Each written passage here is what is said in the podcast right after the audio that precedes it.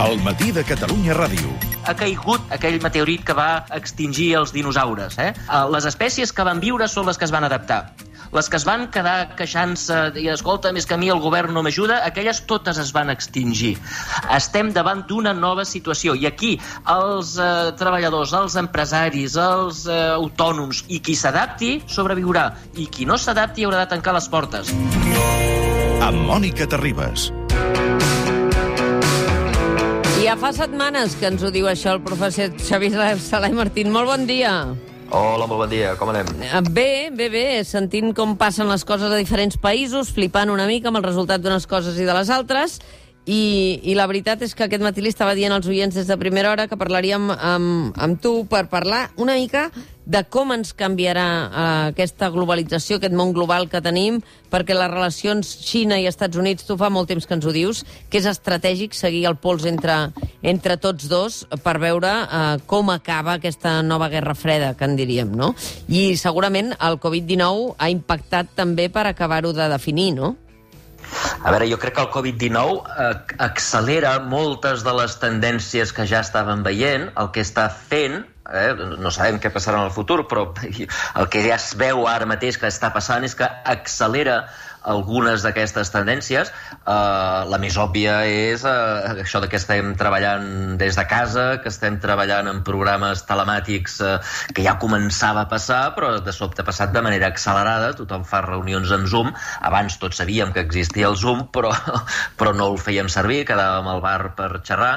Uh, I, per tant, aquesta és una tendència que ja existia, però que s'ha accelerat. I una altra que existia i s'ha accelerat és el de la uh, divisió d'aquest món global uh, sí. amb, dues, amb, dues, amb dos uh, hemisferis, no? Uh, dos hemisferis econòmics. Uh, això ja començava a passar, eh? des, de, des de que uh, va caure el mur de Berlín i el món tripolar que teníem llavors. Recordeu que es parlava del primer món, que era Occident, el segon món, que era els països de l'òrbita soviètica, i el tercer món, que eren els, el que avui dia anomenem països emergents. Tot això va col·lapsar i va haver-hi només un sol món global on, diguem, les coses es portaven d'un país a l'altre d'una manera rapidíssima. Produir una bicicleta, per exemple, una bicicleta que deu tenir, doncs, jo què sé, 30, 40, 50, 100 parts o 300 parts, no sé, però una bicicleta normal es produïa en 20 països diferents. Uh, un país es produïa la goma que es feia servir pel manillar, l'altre es produïa les varetes de la roda, l'altre, etc etc. no? I al final tot això anava a parar en un país, que on es, diguem, s'acabava de muntar i d'allà eh, i d'allà es venia, no? Eh, doncs aquestes cadenes de producció globals que, que, que, es, que, es, que es feia servir a tot el món, una gran part d'aquesta producció, sobretot la manufacturera, va anar a parar a Àsia i concretament va anar a parar a la Xina i, eh, i aquest era el món hiperglobalitzat que teníem l'any 2008. Però l'any 2008 va venir la crisi i amb la crisi doncs, va començar a baixar tot això. La, el comerç internacional va començar, uh, va començar a caure, les, uh, les cadenes de producció van començar a caure i va començar un fenomen que s'ha anat fent cada vegada més gran, que és l'aparició del populisme, populisme xenòfob. El populisme és aquest diguem, moviment polític de solucions fàcils a problemes sí. complexos, on sempre hi ha algú que té la culpa, eh? Uh, que si jueus, que si negres, que si la casta, que si no sé què, no? Sempre hi ha uns dolents als quals tu els hi dones les culpes, i en aquest cas els dolents eren els estrangers, eh? les multinacionals, els, eh, els xinesos que, que no compleixen amb els, eh, amb els estàndards del medi ambient i per tant poden produir més barat i tot això va anar creant un caldo eh, un caldo d'anti-Xina anti sí. eh, que, que va culminar el 2016 amb l'aparició de Donald Trump i eh, recordeu que una de les grans... American uh, First. Exacte, America First, i la culpa és dels mexicans i mm. dels xinesos, eh, sí, sí. que ens roben els llocs de treball, per culpa d'ells tenim dèficit comercial, que si tenen que si infravaloren la moneda eh, per poder exportar més, que si no tenen ens roben llocs de treball perquè no fan no tenen drets humans i exploten els treballadors, mm. ni tenen en compte el canvi climàtic i per tant poden produir més barats i per tant ens roben llocs de treball. També ens roben la propietat intel·lectual. Eh, els xinesos han invadit les universitats americanes i, i això és veritat, eh? fins a 30% dels nostres estudiants de Colòmbia són xinesos. I llavors aquests xinesos tornen amb els secrets de la ciència cap Sí. a la Xina. Eh, també ens roben les empreses. Eh? Primer conviden a Facebook i a Google i a WhatsApp i Amazon a anar a la Xina. Eh, després, eh, un cop ja saben com fer-ho, eh, eh, fan les seves versions eh, xineses. Eh? El, Baidu és el Google xinès, eh, el WeChat és el WhatsApp xinès, el Tencent és el Facebook xinès, l'Alibaba és l'Amazon xinès, i un cop tenen això, expulsen els americans i es queden ells tot el mercat. I tot això va creant un, un, un, un, un sentiment antixinès eh, que... Eh, que s'ha agreujat eh, quan, amb, amb això, amb la- amb el- amb la- amb l'aparició de la ciència i de la tecnologia i de tots els, els estudiants xinesos que tornen a Amèrica, de sobte els xinesos són capaços no ja de copiar, sinó de fer les coses i fer-les millor.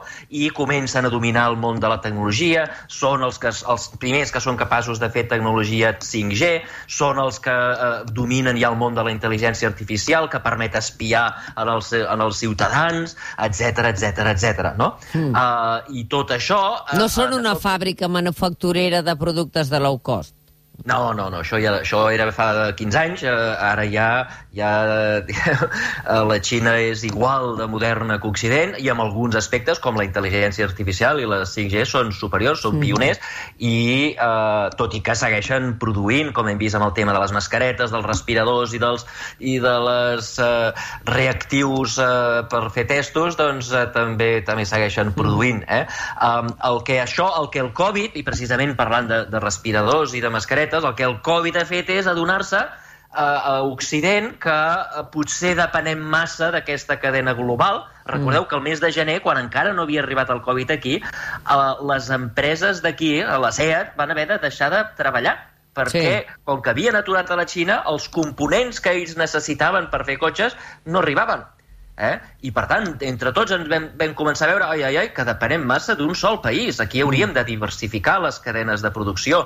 Uh, I, ai, ai, ai, i, uh, i després, ai, ai, ai, que no tenim mascaretes. Qui té mascaretes? La Xina. Ai, ai, ai, que no tenim respiradors. Qui fa respiradors? La Xina. Ai, ai, ai, que no tenim reactius. Qui fa reactius? La Xina. Mm. I llavors aquí ha creat, aquí a, a, a Catalunya, però també i sobretot als Estats Units, s'ha uh, diguem, agreujat aquest sentiment antixinès que fa que uh, uh, descaradament ja el govern nord-americà estigui atacant els xinesos, el, el, el, el, Donald Trump segueix mm, sense dir, eh, mencionar la paraula Covid-19 o, o, o el SARS, no sé quantos, com es digui el Sí, virus, sí. eh, el tio segueix dient el, el, el virus de Wuhan uh, i donant les culpes als xinesos i si no fos pels xinesos no tindríem virus uh, i per tant s'està dividint el món els xinesos per la seva banda també s'han adonat que depenen molt dels Estats Units Mhm. Eh?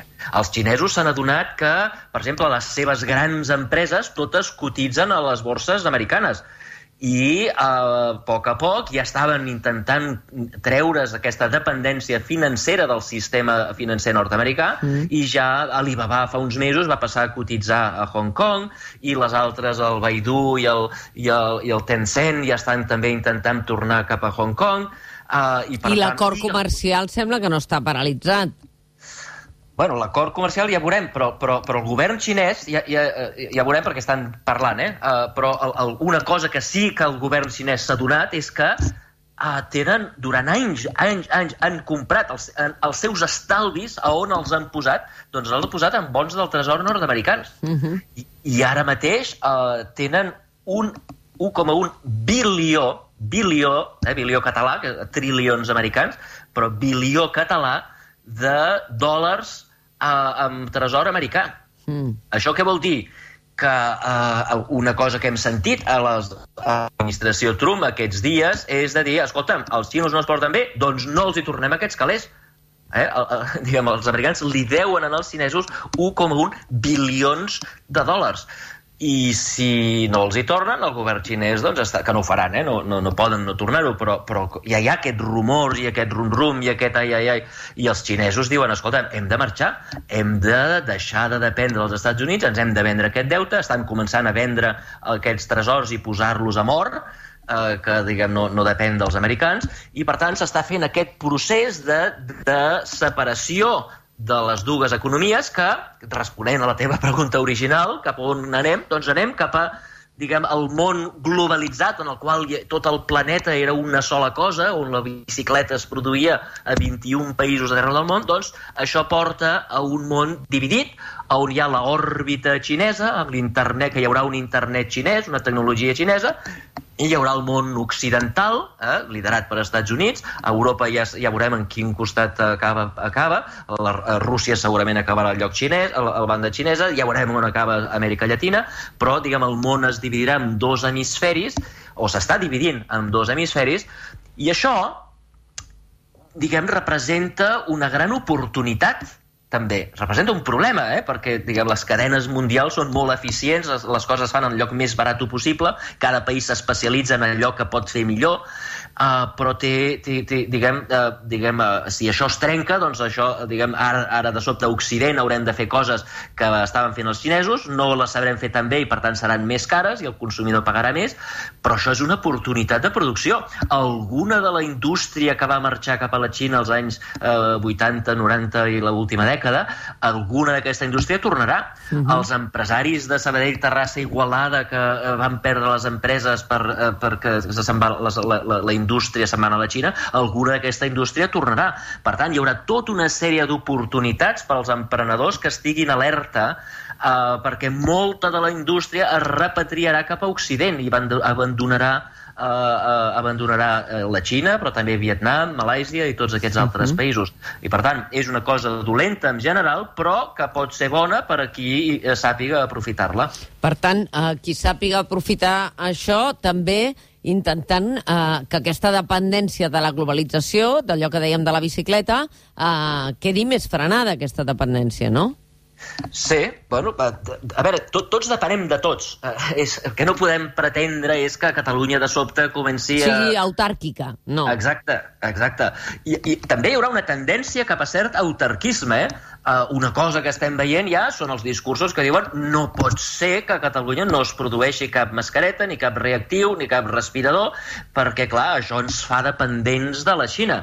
Uh, I, per tant, eh, torna, està tornant també un cert nacionalisme autàrquic de cada país. Eh? Els Estats Units volen fer les seves mascaretes eh, i volen fer els seus palets aquests per ficar pel nas, per poder fer testos, eh, i tothom, tothom voldrà... No, no, i el president Sánchez en va de visita a la fàbrica que està fent els respiradors i tothom nacionalitza aquestes... Aquests, eh... Sí, sí, tothom Exacte. fa nacionalisme amb aquestes coses. Exacte, exacte. Hi ha, hi, ha, hi ha un retorn de nacionalisme, diguem, farmacèutic, sí, si, volem sí, dir-ho així. Sí. Uh, també un cert nacionalisme alimentari, perquè ara tothom s'ha donat compte, escolta, si ara en lloc d'això hi ha una guerra o hi ha un tsunami o hi ha qualsevol altra cosa i ens quedem aïllats, hem de poder menjar i, per tant, aquesta tendència que ja dèiem del, del eh, comerç de proximitat, eh, de poder fer tot a quilòmetre zero, de que ens fem nosaltres els nostres propis aliments, això s'accentua, s'està mm. accentuant. Mm -hmm. uh, I això també és una oportunitat uh, que es lliga amb una altra tendència que hi havia, que era la desintermediació. Les noves tecnologies permeten als clients i als productors originals connectar-se abans no ho podien fer i havien d'anar a través d'intermediari major, eh, majorista, intermediari minorista, una cadena d'intermediaris per portar eh, la patata des del, des del pagès fins a, fins a les cases. Mm. Avui dia el pagès pot connectar amb les cases gràcies a les tecnologies i això ja passava abans, però ara això s'accelera i, i, i per tant, moltes, molta gent i molts pagesos que ho sàpiguen fer bé, que se sàpiguen aliar amb xavalets joves que sàpiguen, siguin capaços de fer aplicacions, podran vendre directament a les famílies sense passar ni pel Capravo i el Mercadona, ni per, ni per Mercabarna, ni per altres indrets. És dir, directament podran vendre. I per tant, apareixen oportunitats que venen de l'acceleració de les tendències que ja veiem, eh, que, eh, insisteixo, eh, moltes coses això serà dolent, però que representarà algunes oportunitats pel qui sigui llest, eh, espavilat i ho sàpiga veure. Eh, dolent per una qüestió, que ja ens podem anar oblidant de la nostra privacitat. Ah, exacte. Això, una de les coses més dolentes que veiem és l'acceleració una altra, una altra vegada, una acceleració. Ja veieu que el tema d'avui és que les coses s'estan accelerant, les mm. tendències que ja veiem s'estan accelerant. Una de les que veiem era el que estem vivint en un món d'espionatge, de, de surveillance, que es diu en, en anglès, no? Un, un, un, uh, i, un, i teníem espionatge per part de les empreses, eh? Eh, uh, tots estàvem preocupats perquè de sobte es teníem pensat en regalar a la nostra parella un viatge a París i sense dir-ho a ningú començaven a aparèixer anuncis de París al nostre ordinador i, ostres, ens estan espiant, ens estan espiant. I no, no ens estaven espiant. El que estava passant és que la intel·ligència artificial utilitza totes les dades que nosaltres deixem anar mm. per fer prediccions del que tu compraràs uh, i, per tant, les empreses tecnològiques, diguis Facebook, diguis Amazon, diguis uh, Google, uh, eren capaces de conèixer millor els nostres, els nostres gustos que no pas nosaltres mateixos. Mm. Uh, I, per tant, nosaltres estàvem una mica controlats per les grans empreses, empreses i això ens donava una certa preocupació. A la Xina la preocupació era una altra, i era que el govern els controlava. Mm. Perquè a la, a la Xina, les dades que aquí controla Facebook i controla Google, allà, allà. els controla el govern ah. xinès. I allà també els controlaven. Uh, I ara veiem que les dues tendències uh, s'ajunten i uh, tots ens controlen.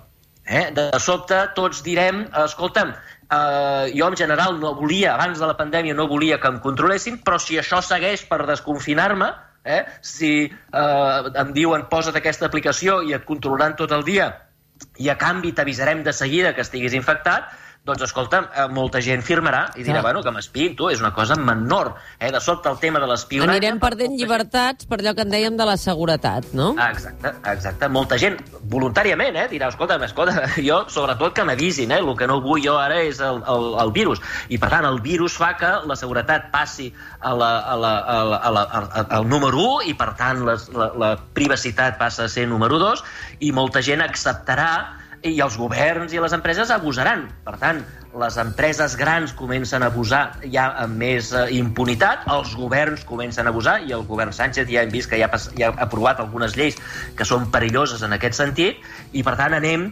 inevitablement cap a, cap a un món on les autoritats eh, econòmiques eh, i també polítiques ens controlen molt més i això és perillosíssim. Per què? Doncs perquè la història ens demostra que quan el govern agafa un tros de poder i restringeix la nostra llibertat, eh, encara que ells diguin que és d'una cosa temporal, a la llarga, a la llarga, això acaba sent permanent. I, per tant, és una cosa que hem de vigilar i ens hem de protegir dels abusos eh, del poder eh, en aquesta nova era. Xavier Sala i Martín, moltes gràcies. Que vagi bé. A veure...